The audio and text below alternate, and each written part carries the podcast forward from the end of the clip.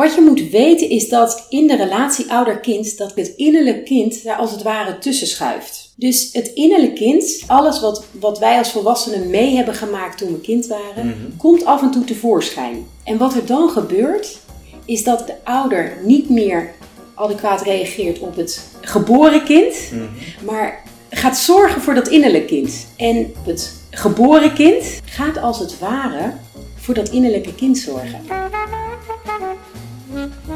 U luistert naar de Therapeut Podcast, een wekelijkse podcast waarin ik, Peter Voortman, openhartige gesprekken voer met therapeuten over hun professie, patiënten en zichzelf. Luister mee naar bijzondere, schrijnende en grappige verhalen uit de behandelkamer.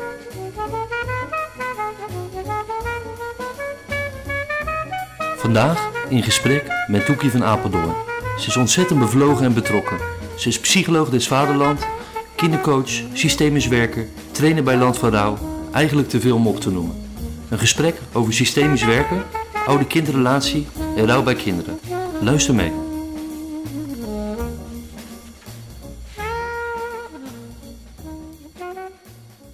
Gaan we je en jij of gaan we u? Natuurlijk, Ja. natuurlijk gaan we je en Ja, jij. nee. Ja, Zoveel zeker. titels. Oh, alsjeblieft niet. Nee.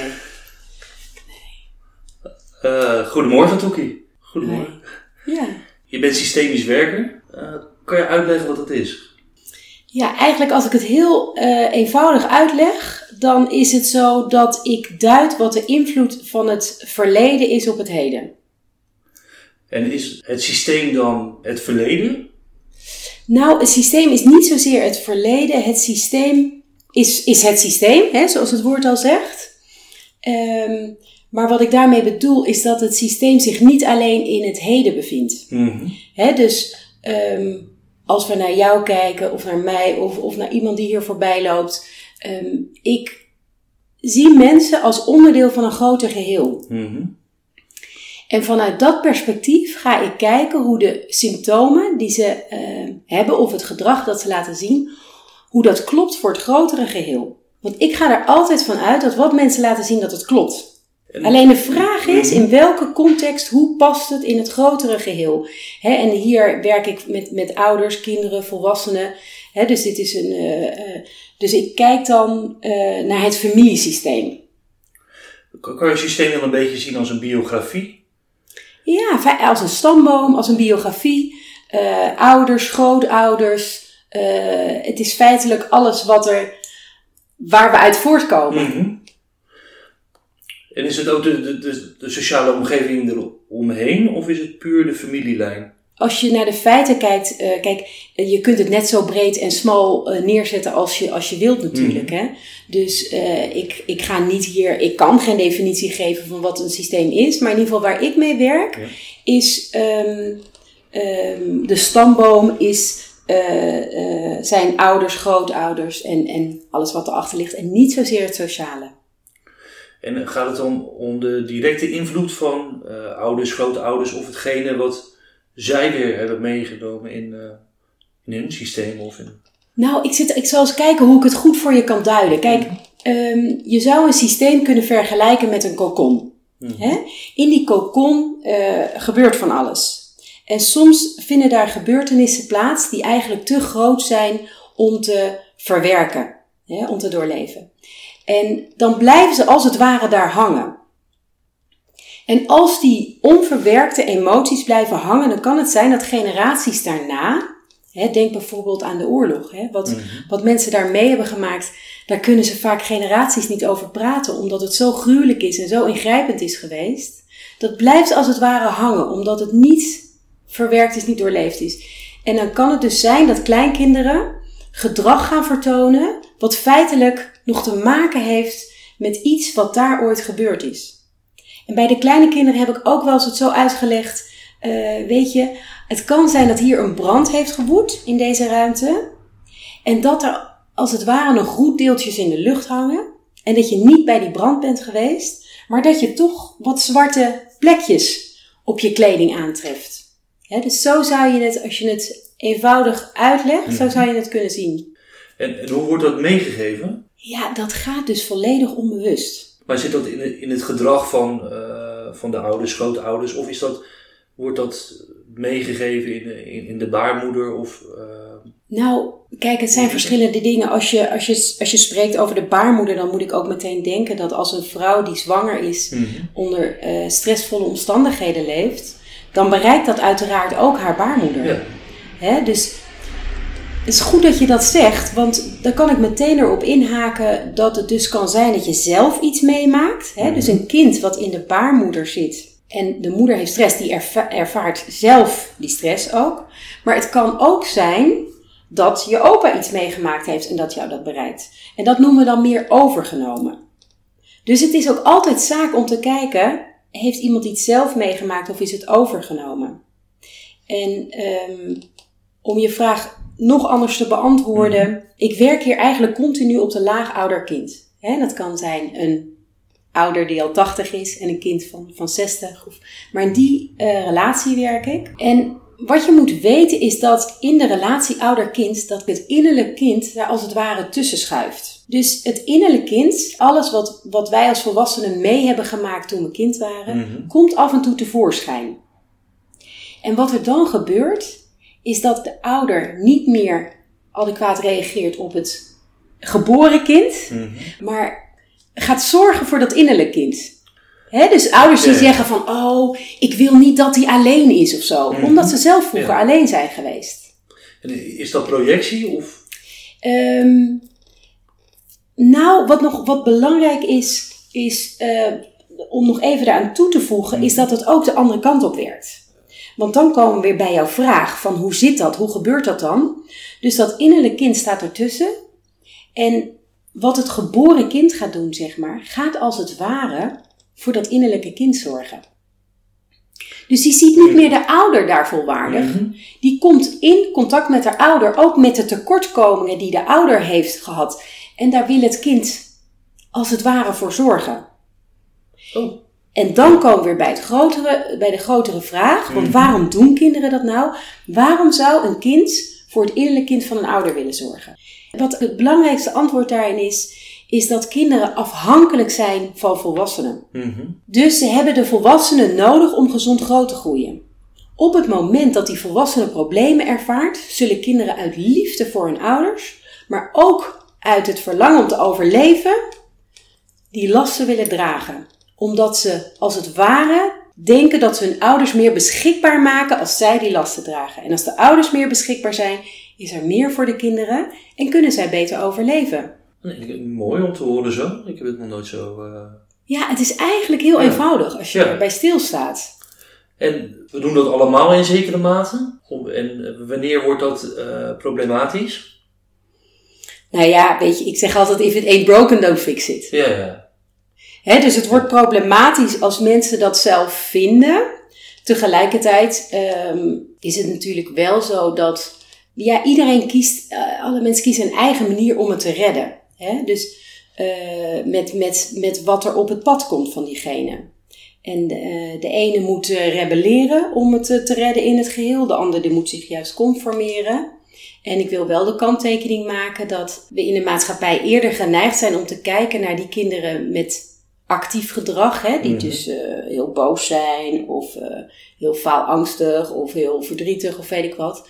Maar ook juist de kinderen die zo in de pas lopen, waar je niet zoveel van merkt. Het kan zijn dat die het ook zo nodig hebben. Hè, Zo'n beetje die onzichtbare kinderen. Ik heb nog niet zo vaak gehad, ik denk twee keer, dat ouders hier kwamen en dat ze zeiden: Mijn kind is zo voorbeeldig, weet je, die Ja, eens ja. met me meekijken. Hè? Dus het is ook belangrijk om die kinderen ook in te sluiten. En hoe ga je daarmee eh, mee aan het werk? Dus. Nou, als je bijvoorbeeld ziet, je ziet eigenlijk dat een, dat- een kind te veel bezig is met het innerlijk kind van de ouder. Mhm. En dat, dat komt hier weer. hoe komen ze hier eigenlijk? Komen ze hier met een bepaald. Via alle hoeken en gaten eigenlijk. Ja? komen ze hier, eh, ja, ook omdat ik hè, mijn expertise ook in systemisch werk zit, Mm. eh, komen ze ook van de andere kant van het land, zullen we maar zeggen. Via huisartsen, via docenten, eh, ja. En, met Via wel- nascholingen. En, en dan, dan vertoont het kind een gedrag waarvan de ouder denkt van hé, wat, wat moet ik hiermee aan? En die wordt dan vervolgens eh, naar jou doorverwezen. Ja, zo is het eigenlijk begonnen, hè? want ik ehm, zat in 2008 op een berg in Spanje. Ik had rechten gestudeerd in psychologie en ik dacht dat ik in een mantelpak door een bedrijf moest banjeren. En ehm, daar, heb ik, daar vond ik het boek eh, Kind en Familielot van Ingrid Dijkstra. Ik heb onvoorstelbaar veel van haar mogen leren. Ik ben ook met haar in Rusland geweest. En ehm, daar heb ik mijn missie eh, geformuleerd om ehm, ja, een bijdrage te leveren aan het thuisbrengen van mensen. En het thuisbrengen bedoel ik dat ze in liefde met zichzelf leven en met elkaar. En dat is ooit begonnen als de kindercoaches. Hè? Omdat ik bij de kinderen wilde zijn. Maar eigenlijk heb ik na tien jaar ervaring gemerkt dat als je het welzijn van de kinderen wilt dienen, dat je ook vooral bij de ouders moet zijn. Hè? Dus um, uh, aan het begin kwamen ze altijd voor de kinderen, maar nu zie je eigenlijk dat het misschien wel 50-50 is. Dat ze zeggen, ik heb zelf wat, of ik heb wat met mijn kinderen en wil je, wil je eens met mij meekijken. Dus, um, wat voor type problemen zijn dat? Nou, bijvoorbeeld, uh, de kinderen luisteren niet naar me. Dat, uh, dat komt veel voor, denk ja, ik. dat klopt. Ja. ja, en als je dan hier naar binnen loopt, dan, um, dan komen de ouders als ouder van een kind. Ja.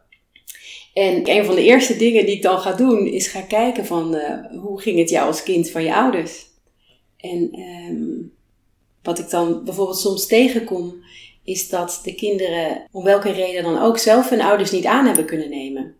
als een moeder Mhm. haar eigen moeder verweigert, ja, dan zou je kunnen zeggen dat het ergens ook logisch is dat de kinderen haar ook weer ver- verweigeren, zeg maar. Mhm. Het is een beetje een raar woord, maar het geeft Ja. beter weer, vind ik, dan als ik alleen weigeren gebruik. dus ik vind het altijd belangrijk om heel precies per situatie te kijken waar het over gaat. Als kinderen niet luisteren, dan is er soms wel in de ordening iets wat niet klopt. En als, als volwassenen thuis hebben geleerd dat zij de ouders van hun ouders moesten zijn, Mhm. dan dragen ze eigenlijk ook impliciet naar hun kinderen over dat de jongste de oudste zijn. Ja, ja. Hey, ik zeg altijd, in het kind zijn wordt het ouderschap geboren. Dus als je wilt ouderen over je kinderen, dan helpt het om in je gezin van herkomst ook die kindpositie te kennen. En, maar maar de, ze nemen de kinderen hier wel mee. Ja, neem ze ook mee. En ga je in gesprek met de kinderen? Ja, dat hangt dus een beetje van af, hè? Want de ouders, uh, wij stemmen samen af wat er speelt en, en wat zij willen. Dus dat hangt er van, van, vanaf. Hè? Mhm. Dus ik, ik, ik begin altijd met de ouders. Dus kom ik eerst alleen? Ja. Want je zorgen maken om een kind is zwaar Ja. voor dat kind. Dus ik vind het fijn om alles te bespreken met de ouders. En dan kunnen we ook goed een beetje naar achter kijken en alles. En um, ja, dan kijken we. Hè. De ene keer is het zo dat ze zeggen, nou wel fijn, we komen een paar keer. Weet je, dan gaan we zelf kijken. Want ik wil niet dat je mijn kind ziet. Want die is al, hè, die, die zit in dit uh, stuk. En de anderen zeggen, weet je, ik zit zelf een beetje tot hier. Ik kan eigenlijk op dit moment niet zo goed naar mijn eigen stuk kijken. En uh, ja, dan ga ik soms met de kinderen aan de slag. En daarin is het ook altijd weer maatwerk. Maar wat, wel, wat ik wel kan zeggen is dat als ik met kinderen werk, dat een van de dingen die altijd, bijna altijd voorbij komt, is, hè, dat is ook een stukje psycho-educatie, is dat ik met ze ga kijken hoe het zit met hun gevoelens. Hè? Dat ze leren herkennen hoe ze zich voelen, één, en ook hoe ze dat naar buiten moeten brengen. Want dat is die kokon waar, waar we het over hadden. Hè? Ik denk als, we, als, als je als kind leert uh, wat je gevoel is en hoe je dat naar buiten brengt, ja, dan ben je spekkoper. Want dan kun je alles aan. Wat als er een nieuw probleem ontstaat, zeg maar, wat niet zozeer wordt doorgegeven in de familie? Mm -hmm. uh, stel, je, je, bent ouder, je hebt zelf een, een prima jeugd gehad, mm -hmm. je hebt kinderen en de, de partner overlijdt. Mm -hmm. Dan ontstaan er misschien problemen of in ieder geval heel veel verdriet en rouw bij, bij kinderen. Mhm. En dat, dat is, ja, dat, zie je dat dan als een nieuw punt? Uh, of, ja en nee. Want um, inderdaad, als je hier zo te maken hebt met rouw. Ik ben trainer ook bij Land van Rouw. Mhm. Um, daar um, geef ik een tweejarige rouwopleiding met een andere trainer. En uh, voor professionals. En dan is het natuurlijk belangrijk dat die kinderen begeleiding daarin krijgen. En ook de ouders. Ja. dus dat staat als een paal boven water. Alleen mijn ervaring leert met alle stambomen die ik getekend heb dat het ook vaak zo is dat als hier een man overlijdt, dat er daarvoor in die generaties ook wel eens mannen zijn weggevallen. Uh, en dat hoeft niet en dat Mm. kan wel. Daarom is het ook zo fijn om meer bewustzijn te vergaren over al die bewegingen, omdat je ziet dat ze zich soms in systemen ook herhalen. Je Mhm. hoort gewoon dat op dezelfde dag van een jaar, eh, drie generaties lang, er een man overleden is, zeg maar. Mhm. En dan is het zaak om te onder- onderzoeken waar gaat dat over? Wat is de, wat is de angel daarin? Ik werk zo graag met de angel. Waar, wat, wat wil daar gezien worden? En, en als je geen ehm, herhaling herkent, Mhm. is, is eh, systemisch werken dan daar wat minder toepasselijk voor? Of zeg je? Ik, ik, ik roep altijd, mensen moeten doen wat ze voelen, wat voor hen goed is. Ja. Hè? Dus als je denkt dat je naar de acupuncturist gaat, dan moet je dat doen. Als je voelt dat je naar de haptonoom moet. Dus ik, ik kan alleen maar zeggen, ik ben zelf ongelooflijk gelukkig met deze methodiek. Eh, het heeft mij persoonlijk heel veel gegeven. Ehm, het, ik, ik zie dat je binnen korte tijd ongelooflijk grote resultaten kunt boeken. Mhm. Er zijn hier mensen die zeggen: Ik ben twee jaar in therapie geweest. En na één of twee opstellingen of sessies zeggen ze: Heb ik meer eh, eh, eh, gehaald dan daar. Ehm, en tegelijkertijd was dat andere ook belangrijk. Hè? Want dat was Ja. ook een traject wat nodig was. Dus doe vooral wat jouw hartje ingeeft. En, en, en ja, ik, ik, En- ik ben een groot voorstander van het En systeem. wat je hartje ingeeft, bedoel je dat dan als therapeut zijnde of Nee, als, nee, als, cliënt? Ja, als cliënt, Ja. weet je. Maar wel- welke aanpak kies jij dan? Voor, eh, stel dat iemand komt met, eh, Ja. gebruik je eh, die, die sy- systemisch werken bij rouwverwerking? Mhm.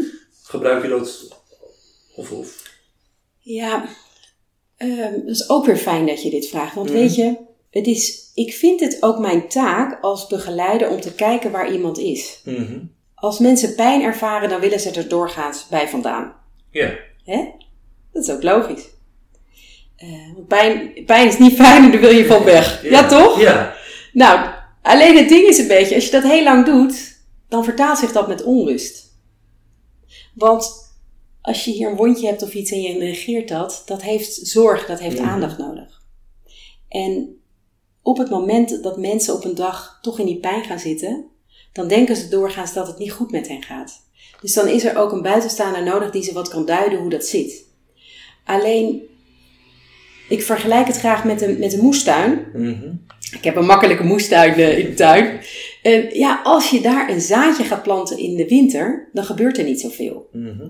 Dus mijn betoog is ook vooral, en dat is wat ik zie als mijn taak om te kijken, waar is iemand? Is iemand in de fase dat de grond vruchtbaar mag worden? Hè? Is het zo eh, dat we daarmee aan de slag mogen? Of is iemand in een fase dat je de zaadjes kunt planten? Of kunnen we oogsten? Want elk proces en ook de psychologische processen hebben zo hun seizoenen. Als je ziet van nou, dit is niet het juiste moment voor iemand, voor iemand te zeggen van nou, werk eens aan iets anders of neem eerst de rust of... Nou, ik moet bijvoorbeeld aan een jongen denken die ehm, een poos bij, eh, bij me is geweest voor begeleiding. En ehm, dat was op een andere locatie, daar had ik eh, een piano staan. En ehm, zijn ouders waren gescheiden. En feitelijk was het de situatie nog te, te intens, zeg maar, voor hem om echt soort van te gaan therapieën. Hè? Want als je met iemand eh, gaat schuren, zeg maar, en hij valt om, dan moet hij ook ergens invallen. En als hij dan op de betonnen vloer valt, dat is niet fijn. Dus wat we hebben gedaan, ik noem dat bij de kinderen nog wel eens het matrasje. Dus we hebben week in week uit piano gespeeld. Hè? Eh, in vakjargon heet dat dan de hulpbronnen. In zijn geval was het belangrijk en behulpzaam om meer te werken aan zijn rust, aan zijn stabiliteit, om iets te doen waar hij blij van wordt. Hij was er heel erg goed in. Dus ja, dan moet je niet gaan therapieën op dat moment, want dan breng je iemand eigenlijk verder van huis. En wat ik zei, het is zojuist belangrijk dat ze thuis kunnen komen. Kan je uitleggen hoe een familieopstelling, hoe dat werkt, hoe dat eruit ziet? Ja, hoe ziet dat eruit? Ja, nou ja, kijk, ik heb hier een stapel eh, IKEA placemats. Mhm. En eh, feitelijk is het zo, eh, Peter, dat ik zeg van joh, kies er maar één uit voor jezelf. En natuurlijk afhankelijk van je vraag, hè. Maar Mhm. dan zou ik zeggen van, kies er een uit. één voor je, leven je ouders nog? Ja. Ja, één voor je vader en één voor je moeder. Mhm. En ehm, bij kleine kinderen, als die daar aanwezig zijn, dan zeggen we het is een soort toneelstukje. De ervaring leert, en deze methodiek bestaat al 40 jaar, Mhm. dat als je dan op een van die posities gaat staan, eh, en dat kun jij ook, dat noemen we representeren, dat daar informatie beschikbaar is die gaat over die personen die daar neergelegd zijn. Het enige verschil is dat ik van de hoed tot de rand weet waar ik mee bezig ben. Mhm. Maar we kunnen allemaal representeren en uitspreken wat we daar ervaren. Dus we weten al 40 jaar Mhm. dat bepaalde informatie in de, in de lucht hangt. En je hebt En- allemaal verschillende kleuren placements. Maar zegt de kleur Nee. iets? Of dat is gewoon Maakt willekeurig? niks uit, nee. Dan- En hoe jij vandaag je systeem neerlegt of iemand, dat kan morgen weer anders zijn. Mhm. Hè? Want dat spiegelt ook ja, hoe het nu voor je is. En, en wat ik van eh, cliënten zo vaak terugkrijg, is dat het ongelooflijk fijn is om van een afstandje te kijken naar hoe zij zich verhouden in of hun systeem van herkomst hè, met hun ouders, of in het huidige gezin. Want wij willen altijd weg van waar we zijn. We willen naar een oplossing, hè, oplossingsgericht. En binnen het systemisch werk zeggen we de werkelijkheid zien zoals die is, Mhm. dat geeft de verandering. En dat is wat je hier doet. Kijk, als je je voorstelt dat, je daar, dat zich daar een palet ontvouwt waarbij je ziet hoe je je verhoudt ten opzichte van, van de mensen om je heen. Hè? Ik weet niet of je broers of zussen hebt. Mhm. Hè? Ja, en, en, en dat, je, dat je ziet hoe jullie je ten opzichte van elkaar gedragen. Dus bij een familieopstelling komen niet daadwerkelijk opa, oma en dergelijke in het, daarin voor. Je neemt zelf de rol aan van, eh, van dat familielid. Nou, ehm, ja, weet je, het is, het is altijd. Ik- het is niet makkelijk om uit te leggen wat een familieopstelling is. Dat moet ik wel eerlijk bekennen. Het is Ja. eigenlijk eh, het beste om het te ervaren, weet je. Dus ehm, als je wilt, zouden we het hier zo neer kunnen leggen dat je iets beter een gevoel ik, ik heb erbij wel eens een krijgt. familieopstelling gedaan. Oh, kijk, jij hebt het wel eens gedaan, ik weet- ja. ehm. Dus ik weet wel ongeveer hoe het werkt. Mhm. Wat ik er wel bijzonder aan vind, is dat je, je neemt dus ja, je, neemt- je vertegenwoordigt iemand, een, be- be- bepaald familielid. En daar worden dan de vragen over gesteld en die beantwoord je vanuit die persoon. En dat, eh, dat moet dan uit een innerlijke bron komen, of in ieder geval uit een ingeving waar je op moet vertrouwen. En dat, ehm, ja, daar ga je mee aan het werk. Nou, ik moet je, het is wel leuk dat je dit zegt, want ik moet eraan denken, ik had zo weerstand tegen deze methodiek. Ja, Ik had een partner die deed dit en eh, voorheen. En ik dacht echt, oh die abacadabra, ik moet er niks van hebben. Want ik vond het allemaal maar helemaal niks. Mhm. Maar ja, goed, op een gegeven moment heb ik het zelf ervaren. En toen dacht Ja. ik, nou, dit is gewoon magisch. Dit is Ja. ongelooflijk wat hier gebeurt. Dus daarom, ik wil ook mensen er niet van overtuigen. Want ik was zelf, ik dacht echt van, nou, dat is gewoon gekkigheid, Mhm. weet je. Dus ik, ik kan mensen niet overtuigen. Maar je, je kunt alleen als mensen nieuwsgierigheid hebben, dan zijn ze welkom. En dan kunnen ze het be- beleven, kunnen ze het ervaren. Want het is natuurlijk heel raar als je erover praat, weet je. Hoe Nou, zit dat? Het, het, het ligt eraan hoe je het bekijkt. Want gaat het erom, eh, gaat het om feitelijkheid dat je een signaal van, eh, van, van, van, van boven of ergens krijgt die die vertegenwoordiging doet? Of gaat, gaat het erom dat die vertegenwoordigheid in jou zit en ook daar dus een plaats heeft en dat je daarmee aan de slag gaat? Dus gaat het niet om feitelijkheid, maar om de beleving. En ik vraag me af hoe jij dat ziet. Ja, ik vind het leuk dat je dat zegt. Want daarmee geef je eigenlijk de voorzet dat alles er is. Alles is er al, Ja. weet je? Alles hangt om ons heen, Mhm. om, om van te nemen, zeg maar. Mhm. Dus ehm, ja, zo zie ik dat ook. Je ziet dan wel van dat, dat er dus iets wordt doorgegeven of dat, dat, dat hangt er, dat het zijn signalen die je oppakt. Of ehm, waar ik naartoe wil is, als het er zou hangen, dan zou je kunnen zeggen van er zit een bepaalde feitelijkheid in. Er zit, het, het, het is er ergens. En je kan ook zeggen van het is een verbeelding of een ingeving, iets wat je in jezelf op die manier ervaart. En die, dat je dat eruit haalt. Dus dan is het wat subjectiever. Snap je wat ik? Ja, weet je, het is per definitie subjectief. Ja. Eh, want we werken met mensen en dat is Ja. subjectief. Ja. Hè? Dus er, er is niks, niks objectiefs aan, want Mhm. de opstelling die ik er doe is anders dan eh, die een collega eh, verderop in de straat zou doen, Mhm. zeg maar. Hè? Dus dat, je, je bent altijd subjectief. Ja. Hè? In ieder geval dit stuk. En ja, wat weet je, het morfogenetisch veld van Rupert Sheldrake, Mhm. dat komt het dichtst bij de wetenschappelijke verklaring. Deze man die heeft verschillende onderzoeken gedaan. En die kwam erachter dat als je mensen eh, in Japan, als je ze kinderliedjes leert, leert leren of leert eh, die al bestaan, Mhm. dat ze die makkelijker leren dan een Japans kinderliedje wat niet bestaat. Oftewel die informatie in de lucht. Wat hij ook deed, was mensen in Engeland kruiswoordpuzzels laten oplossen Mhm. die al in de krant hadden gestaan. En dan Uiteraard met die kanttekening dat ze niet die hadden ja. gezien. Ja. Maar en kruiswoordpuzzels die nog nooit waren gepubliceerd. En hij kwam er dus achter dat die gepubliceerd waren, dat die makkelijker op te lossen waren. Dus alsof informatie in de lucht hangt. Ja, ik, ik weet wel dat bijvoorbeeld bij, apen hebben ze aangetoond dat ook, ook zitten ze kilometers uit elkaar, als daar een groep is die iets heb- hebben geleerd, een bepaalde methode om iets uit een boom te krijgen of zo, dat die anderen dat dan ook, eh, de nieuwe generatie, dat, die dat dan ook kunnen. Dus dat, dat daar wel een soort verbinding in is. Eh, denk je dat het een soort van algemeen bewustzijn is? Of?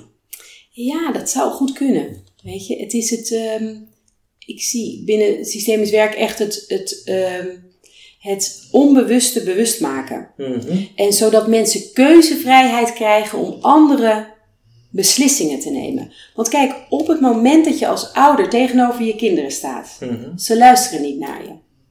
En je bent je niet bewust wat er gebeurt, dan is je keuzepalet iets beperkter. Sterker nog, je komt waarschijnlijk in je machteloosheid en je denkt, nou, Mhm. potverdikke me, of boosheid, of wat dan ook. Terwijl als je ergens hebt gezien, hé, hey, mogelijk voel jij je als ouder van je kind, hè, word je ook snel aangeraakt in het kind zijn van je ouders. Mhm. Dus als je je dan even een soort om kunt draaien en bij wijze van spreken kunt zeggen, hé, hey, dat hoort daar. En dat je daar even die machteloosheid aan kijkt en je dan bij wijze van spreken weer omdraait en zegt, zo, en hier ben ik de ouder en niet het kind. Dan heb je dus meer keuze. Ja, ja.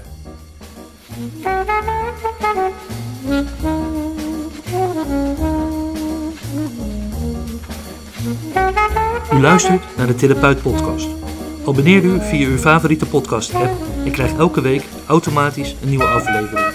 We horen graag uw mening. Vragen, opmerkingen of suggesties kunt u sturen naar info.detherapeutpodcast.nl of laat een review achter via uw podcast app. Niet dat, het, dat ga ik wel uitknippen hoor, maar mijn zus die eh, is haar man Ja. eh, kwijtgeraakt. Of die, die is overleden van de fiets gevallen, die was eh, op slag dood. Zo. En twee jonge kinderen. Zo. En daar zie je wel dat de, de ene was twee jaar oud toen dat eh, gebeurde. Ja. Die gaat nu, wat, ja, het is nu eh, 2,5 jaar, twee jaar geleden ongeveer. Die Ja. gaat nu vrij goed. Die, die is best wel gelukkig en is aan het spelen. En bij een jongetje is wat ouder, die is nu zeven. Eh, die, eh, ja, die, die, daar zie je wat vluchtgedrag, heel veel met gamen al. Hoe ga je met kinderen, hoe ga je met eh, rouwende kinderen het, het gesprek aan? Ja. Heb je daar, heb je daar, heb je daar ervaring mee of ideeën Ja, over? zeker, zeker. Ehm, ik moet meteen denken aan een meisje van eh 18 die hier kwam. Mhm. En ehm, belde haar vader omdat hij zei: Het gaat helemaal niet goed met haar. En eh, ze voelt zich helemaal niet goed. En ehm, het geval wilde dat ik het gezin al kende en dat eh, zijn vrouw, haar moeder, Mhm. ehm, jaren daarvoor overleden was. En ik zei, laat maar komen. Maar ik zeg, weet je, het gaat heel goed met je dochter. Want na al die jaren dat de pijn te groot was en te veel, is het zo dat ze nu meer bij haar gevoel aankomt. En ehm, het is wel leuk, er hangt hier een gedichtje in de keuken. En daar staat, ze zegt dat het goed is dat het slecht gaat. En daar heeft ze een mooi verhaal eh, van gemaakt. Dus ehm, soms is het goed dat het slecht gaat. Hè? En, en als ouders hier dan soms komen, dan zou ik ook zeggen: het is passend als jouw twee jongens zijn neefjes, een jongen en een meisje. een neefje en nichtje, Ja. als het ze slecht gaat nu. Ja. Dus daar begint het al mee. Dat is passend. Ehm, en het andere is, we werken bij Land van Rouw veel met het duale procesmodel. Mhm. En ehm, mijn collega Tanja die heeft daar een mooie onderscheid in gemaakt. Eh, want dat gaat dan over het feit dat het belangrijk is dat mensen slingeren. Duaal proces. Mhm. En de insteek is dat ze slingeren tussendoor leven. Mhm. Dat is richten op afleiding, op herstel, weet ik wat, hè, doorgaan. En doorleven.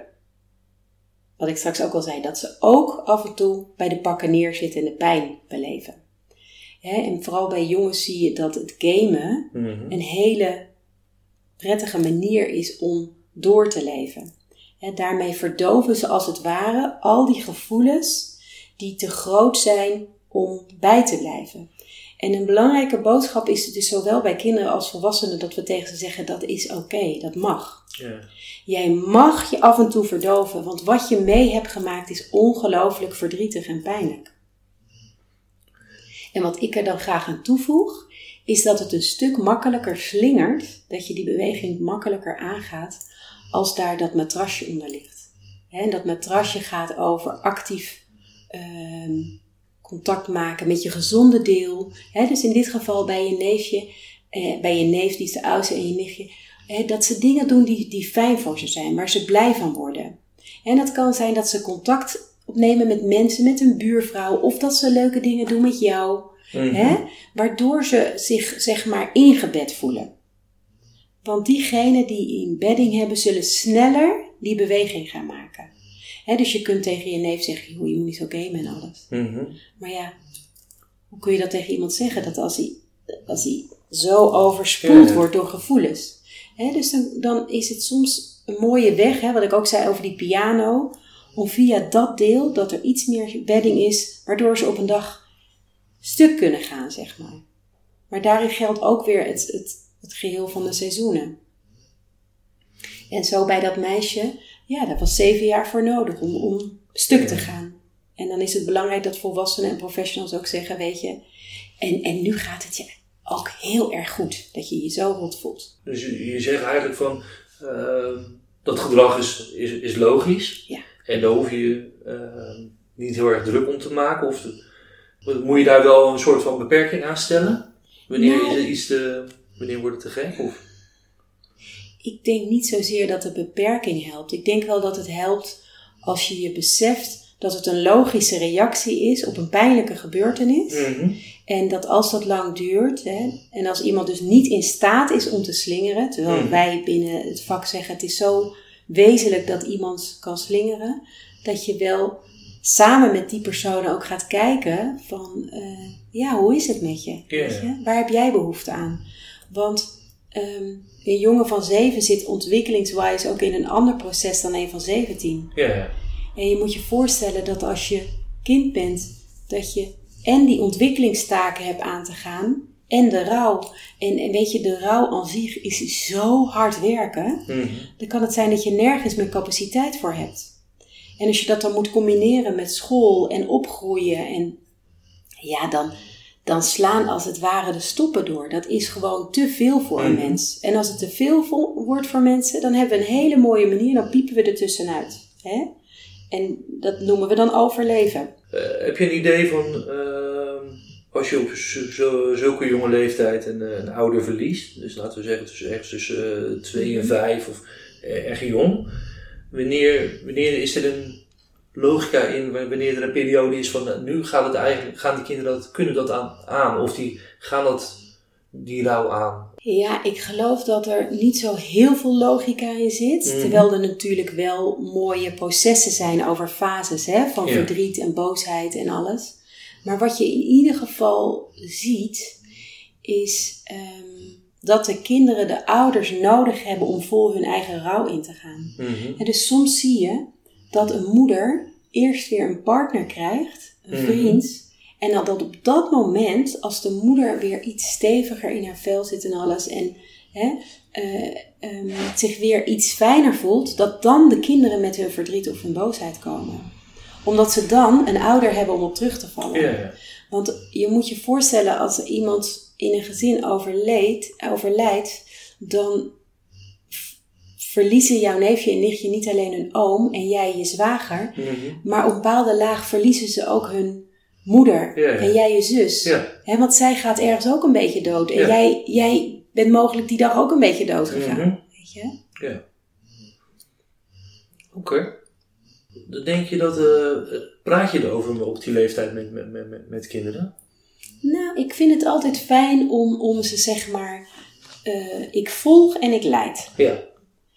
En eh, het is wel grappig, ik heb voordat ik hiermee begon, dat was in 2006 denk ik of zo, 7, want ik had die twee universitaire titels, Hmm. maar nog niet die ervaring met kinderen, heb ik ook op kinderdagverblijven gewerkt. En het was fantastisch. En zo heb ik ooit nog, ik zie het nog voor me, het was in Oudewater. En er was een jongetje en ik kon daar niet goed contact mee krijgen en alles. En toen dacht ik, weet je, ik stap ook op zo'n autootje. En toen ben ik in zo, op zo'n autootje gaan zitten. En als een volwassen persoon. En, en heb ik niks tegen hem gezegd. Maar ik heb hem gewoon gevolgd in wat hij deed. Ja, dat was een fantastische manier van rapport, weet je. Mhm. Daarin voelde hij zich gezien. Dus ehm, ik, ik kijk naar kinderen. Ik luister naar de kinderen. En ehm, ik ben ook bereid om het fout te hebben. Weet je, ehm, het is belangrijk. het is niet alleen maar goed als het in de roos is. Mhm. Want als ik een vraag stel en ze reageren erop, dan geeft me dat informatie. En het gaat er juist om dat je afstemt. Dus ik hou soms een onderwerp voor. En dan kijk ik hoe ze erop reageren. En ehm, soms zijn ook de ouders met de kleine kinderen hier tegelijkertijd. En dan vraag ik wat aan de kinderen. En dan, oh, dan gaan ze erbij vandaan. En soms zijn de volwassenen dan geneigd vanuit een soort eh, beleefdheid. Van ja, luister naar die mevrouw. Maar ik voel dan wel, oh, wacht even, nu is het weer genoeg of zo. Mhm. Dus het is een kwestie van goed opletten. En goed reageren op de signalen die zij geven. En ook, ook dapper zijn en ze ook voorgaan. En ook soms onderwerpen aansnijden die niet zo voor de hand liggen. Ja, ja. Want, want toch nog even teru- terug naar dat eh, systemisch werken. Ja. Is, is het een taak om zeg maar, een bepaalde cyclus door te breken? Als je het bijvoorbeeld ziet van nou, op generatie op generatie, er speelt iets en dat gaat eigenlijk de- door de generaties Mhm. heen.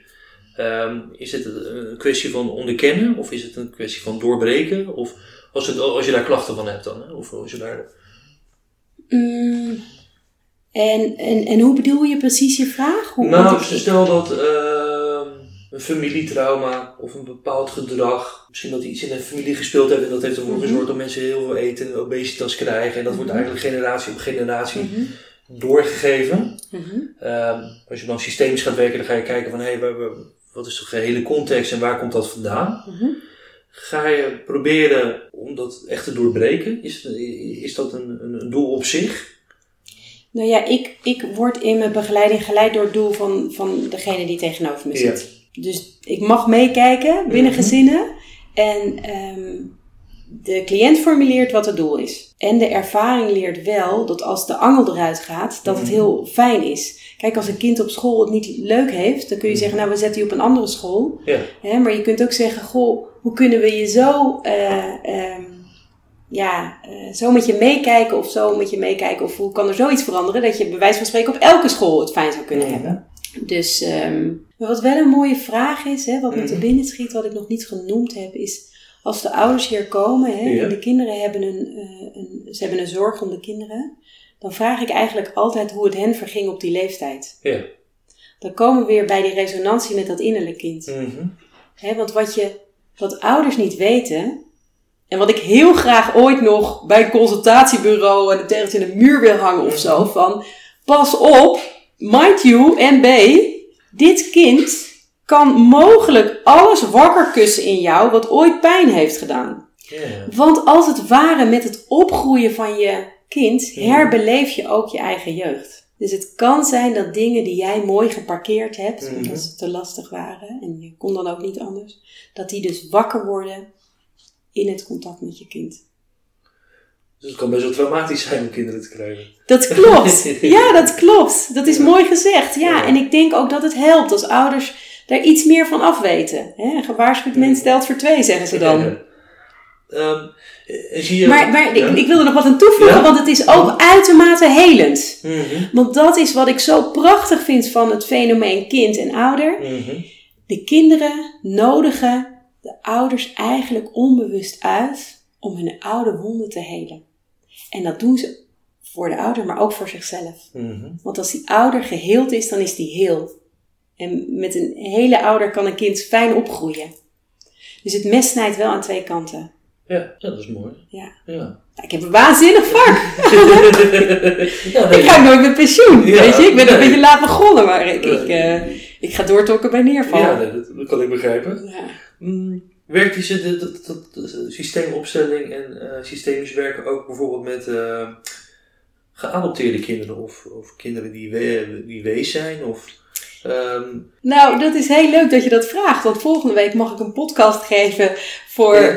eh, geadopteerde kinderen, zeg maar. En Ja. die hebben het over afstamming. ja. En ehm, wat zo belangrijk is, is dat ook de biologische ouders een plek krijgen. Maar ook bij Mhm. pleegkinderen. Die horen erbij. Dus dat is eh, ja, systemisch in ieder geval een hele belangrijke dynamiek. Ik eh, mag af en toe ook meekijken met pleeggezinnen. En ook soms in die gezinnen waarbij de pleegkinderen zeg maar op een plek komen waar ze al drie gezinnen hebben gehad. Mhm. Dat vind ik ongelooflijk mooi en dankbaar werk. Ook omdat die dynamieken zo op het scherpst van de snede zijn. En ehm, vorige week hadden we hier nog een opstelling. En ehm, er waren meerdere professionals bij. En ik zie mezelf op de plek van een van de kinderen staan. En ook vandaar uitspreken. ehm, geef, geef hem nog niet op. Of geef hem niet Mhm. op. Want deze jongen heeft zoveel pijn in zijn leven gehad. Dat hij, daar moet zoveel naar buiten dat hij in ieder in zijn omgeving zal eh, laten zien dat hij het al opgegeven heeft. Ja, ja. En ehm, ja, dat is ongelooflijk dierbaar om ook op die laag bij pleegkinderen of adoptiekinderen, om ook te kijken van hé, hey, waar gaat het nou over? En wat is nou hier de belangrijkste zin of iets? Want ik begrijp dus ook, dus in een familieopstelling dan neem jij ook af en toe de plaats in van, ehm, van een familielid. mhm. Moet je dan in een bepaalde stand staan of in een bepaalde, om dat, om dat, om dat te kunnen? Is dat gewoon, is het gewoon intuïtie? Is dat ingeving? Ja, het is, ehm, ja, het is, eh, we noemen dat representeren. Mhm. En eh, dat betekent dat je uitspreekt wat je op die plek waarneemt. En iedereen kan dat. Ja. Ehm, en het helpt wel voor sommige mensen als je er meer ervaring mee hebt. Omdat het, ehm, het vraagt ook wat vertrouwen om uit te spreken wat je ervaart. Hè? Mhm. Soms zijn mensen die doen het voor het eerst en die zijn bang dat ze iets van zichzelf zeggen. Ja. En dat het niet klopt. Mhm. Maar daarin geldt ook weer wat ik eigenlijk zei met de kinderen. Weet je, je mag het altijd uitspreken. En ik zeg ook altijd tegen de cliënten hier: ik roep hier van alles. Mhm. En jij checkt en voelt wat bij jou past en jou hoort. Dus dat is ook belangrijk. Dus ik, ik kan nooit de volle 300% verantwoordelijkheid nemen. Nee, nee. Hè, dus iemand anders heeft dat zelf ook. En ehm, ja, dat, dat, dat gaat dus. En dat, dat, dat werkt dus zo. Dat is ongelooflijk, eigenlijk. Ja. Elke keer weer. En ook was dat kinderen zeggen... Papa, mama, hoe, hoe, hoe weet zij dat? Hoe kan dat? Als de kinderen er ook bij Ja. zijn. Ja, dat is altijd mooi. Want eh, wat we binnen opstellingen, bij, bij opstellingen werken is het eigenlijk zo dat de, de kinderen die krijgen weer woorden. Die Mhm. krijgen woorden voor de gevoelens die ze al lang bij zich dragen. En bij de volwassenen is het vaak zo dat juist de gevoelens weer terugkomen. eh, terwijl ze de woorden altijd al hadden. Kan je, werkt dit ook als je zeg maar eh, mensen hebt die eh, vroege trauma's hebben in een periode waar, wanneer er nog geen taal was? Dus iemand voor, voor- ja, voor de derde ongeveer of... Zeker, ja. Ook daar weer kan ik refereren aan een opstelling Mhm. die ik nog recentelijk heb gedaan. mhm. En dan kan ik op de positie van het kind eh, waarnemen en ehm, ervaren, zeg maar, dat eh, daar dus tijdens de zwangerschap en in de eerste periode van het leven eh, het kind veel geweld aan is gedaan, zeg Mhm. maar. dat, dat voel je dan. Dat, dat voel ik als representant op die plek. Ja, ja. Ja, en ehm, we hebben het nou een paar keer zo aangehaald. Eh, Ik, ik vind het ook wel wijs om hier te noemen dat dit ook een methodiek is eh, waar je echt ervaring mee moet hebben. Want je Mhm. kunt hier ook kwaad mee doen, zeg maar. Hè? Dit is niet zomaar iets. Het is belangrijk dat mensen dit willen doen, dat ze echt een goede opleiding volgen. Er zijn meerdere plekken eh, in Nederland waar dat kan. Eh, ik heb onvoorstelbaar veel van Wiebe Veenbaas geleerd ook. Hè, Phoenix in Utrecht heeft hij opgericht. Dus ja, als mensen dit willen doen, heel graag. Maar Mhm. zorg dat je, dat je er goed voor leert. En dat je goed snapt wat je doet. Hoe leer je dat? Ja, in een opleiding. Ja, Het is net eh, fysiotherapie, maar dan Ja. anders. Maar, de- maar is het dan, eh, leer je dan ook dat, dat, dat aanvoelen of dat ervaren te onderscheiden met je eigen gevoel? Of hoe, is het gewoon oefenen, oefenen, oefenen en oefen je dat op jezelf? Ja, leuk. Dat is leuk dat je dat zegt. Want het gaat er ook over. En dat is ook natuurlijk wat ik de cliënten ook zo leer. Wat is mijn en wat is Ja. dein? En dat klopt. Eigenlijk, ik ben wetenschappelijk opgegroeid, zou ik willen Mhm. zeggen. Maar ik ben ongelooflijk blij dat ik ook veel heb geleerd uit het ehm, circuit daarnaast. Waarbij ik niet alleen eh, de wijsheid en de kennis in mijn handen heb, Mhm. maar ik ook zelf interventie ben. Ehm, mezelf als interventie inzet. Dus tijdens die opleiding leer je inderdaad ook van hé, hey, wat gebeurt er bij jou als? In wezen draaien wij continu onze patronen af. Mhm. Dus ik bij jou en jij bij mij. Dus hier gebeurt ook ons ding, zeg maar. Mhm. En als ik goed besef heb wat van mij is, dan kunnen we beter onderscheiden hoe Ja, we ja. jou kunnen dienen. Want anders staat mijn innerlijk kind hier weer tussen. Ja, ja. Dus het klopt ehm, dat het heel wezenlijk is om ook ja, je eigen thema's te kennen en te herkennen. En ook daarin geldt weer dat ik het ook uit kan spreken en ook kan zeggen: joh, er gebeurt dit bij mij. Herken je dat of niet? En dan kunnen we ook in het gesprek weer het onderscheid maken. Ehm, wil je zelf nog wat kwijt? Ja, nou dat ik ehm, dat het dat dat matras is sowieso heel belangrijk. Mhm. Dat wil ik kwijt. Dat mensen heel actief eh, bezig gaan op dagelijkse basis met dingen die hen voeden, die goed voor hen zijn. En ehm, ja, ik kan ook zeggen dat het ongelooflijk veel rust geeft en veel liefde om, om, om je vol met, met achter te verbinden. Oké, dankjewel.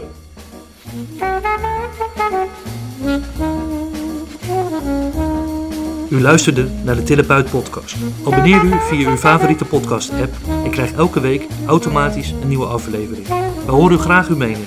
Vragen, opmerkingen of suggesties kunt u sturen naar info.detherapeutpodcast.nl of laat een review achter via uw podcast app.